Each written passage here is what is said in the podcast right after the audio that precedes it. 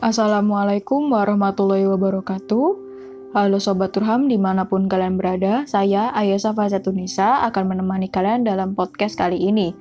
Pada kesempatan kali ini, saya akan membacakan sedikit pengantar tidur untuk kalian semua, yaitu artikel kesehatan yang telah dimuat di harian This Way, terbitan 12 Juli 2021, yang berjudul Cari Pendampingan Selama Isoman. Saturasi oksigen menjadi salah satu indikator kondisi pasien COVID-19. Ketika angkanya sudah di bawah 70, maka pasien harus segera menggunakan alat bantu. Bagaimana jika sedang isolasi mandiri di rumah, tiba-tiba saturasi turun dan tidak punya tabung oksigen? Ketika saturasi oksigen turun hingga di bawah 70, pasien sudah sesak nafas, tersengal-sengal. Tandanya selang oksigen harus segera dipasang. Saya mengajak Anda turut berpikir bagaimana caranya untuk mengatasi isolasi mandiri atau isoman. Sungguh ironis bahwa di era pandemi ini tabung oksigen sampai langka. Pasien COVID-19 yang menjalani isolasi mandiri wajib mewaspadai faktor-faktor penyebab saturasi atau kadar oksigen dalam darah turun di bawah normal. Jika saturasi atau kadar oksigen dalam darah turun jauh dari batasan normal, bisa menyebabkan kematian. Sejak Juni, menurut catatan kami, total sudah ada 311 pasien COVID-19 yang meninggal saat menjalani isoman. Trennya tiap hari meningkat. Ada yang melaporkan rata-rata pasien COVID-19 yang meninggal di rumah tersebut mengalami sesak dan gagal napas. Diduga karena saturasi atau kadar oksigen tiba-tiba drop. Dr. Muhammad Ramadhani Suroso, MKet Paru, SPPK ONK, adalah dokter spesialis paru konsultan onkologi di RSUD Dr. Pirnga di Medan. Ia mengungkapkan, kondisi pasien yang memburuk secara tiba-tiba bisa karena mengalami happy hipoksia. Pemicu terjadinya happy hipoksia belum diketahui secara pasti. Ada teori yang menyebutkan kondisi itu terjadi akibat peradangan pada jaringan paru-paru yang disebabkan oleh infeksi virus corona baru. Ada pula teori yang menyebut happy hipoksia terjadi karena gangguan pada sistem syaraf yang mengatur kadar oksigen dalam darah. Gejala happy hipoksia yang berbeda-beda pada setiap pasien. Yang umum terjadi dan bisa langsung dirasakan oleh pasien antara lain tubuh lemas, kuku dan bibir berwarna kebiruan, detak jantung menjadi lebih cepat, atau lebih lambat, bisa juga batuk-batuk, sesak nafas, dan sakit kepala. Kalau pasien drop dan tiba-tiba sesak napas saat isoman dan meninggal, kemungkinan besar karena mengalami hipoksia, maka segera hubungi tenaga kesehatan atau anggota keluarga untuk memasang selang oksigen atau membantu melakukan proning yang belakangan populer sebagai alternatif cara meningkatkan kadar oksigen di saat tidak ada tabung oksigen. Saturasi oksigen menurun juga bisa disebabkan oleh bronchopneumonia bilateral atau GGO, ground glass opacity, mengenai kedua paru. Penyebab lain bisa jadi saluran napas kecil atau alveoli, bagian paru yang merupakan tempat pertukaran oksigen dan karbon dioksida mengalami kolaps akibat permukaan dahak yang berlebihan.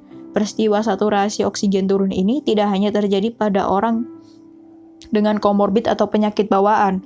Spesialis paru RS Harapan Bunda, Dr. Eva Sri Diana SPP mengatakan, semua pasien juga juga bisa mengalami perburukan, meskipun pasien dengan komorbid dan obesitas lebih beresiko.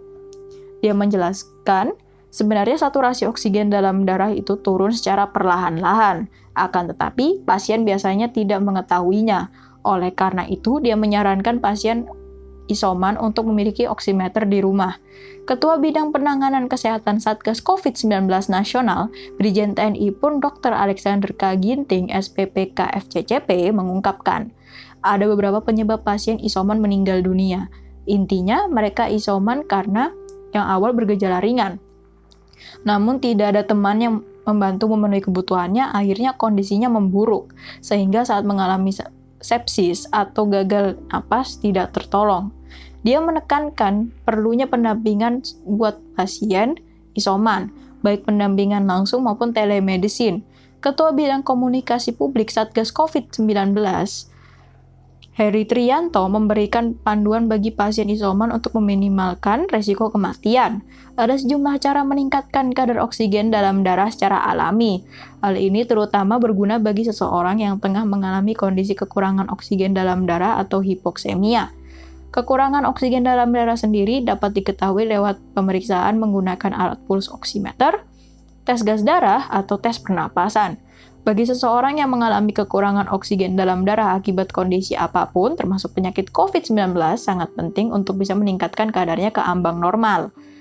Oksigen bisa menurun karena sakit kepala, sesak napas, detak jantung cepat, batuk-batuk ngos-ngosan, linglung, kulit pucat, atau membiru. Jika kekurangan oksigen dalam darah terus berlanjut atau tidak mendapatkan penanganan tepat, organ vital di tubuh seperti jantung dan otak bahkan bisa rusak.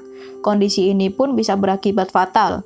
Bagi seseorang yang tengah menderita kekurangan oksigen dalam darah seperti ke karena penyakit paru-paru, setiap hal kecil bisa sangat berarti. Cara meningkatkan kadar oksigen dalam darah, 1. Perbaiki sirkulasi darah 2. Perkaya tanaman hijau di sekitar 3. Olahraga rutin 4. Perbaiki cara pola makan 5. Ubah cara bernapas yang salah 6. Perbaiki postur tubuh Demikian ulasan singkat mengapa saturasi oksigen penderita COVID-19 wajib diwaspadai agar tidak salah kaprah dan salah arah. Semoga Anda sudah bisa mengatasi situasi yang genting, yakni hipoksia, Ketika kadar oksigen dalam darah tiba-tiba turun, semoga sebuah nyawa bisa terselamatkan. Tabung oksigen itu penting, tapi prokes sehari-hari lebih penting untuk mencegah penularan lebih masif. Saya, Ayah Safazatun Nisa, pamit undur diri. Mohon maaf bila ada kesalahan. Wassalamualaikum warahmatullahi wabarakatuh.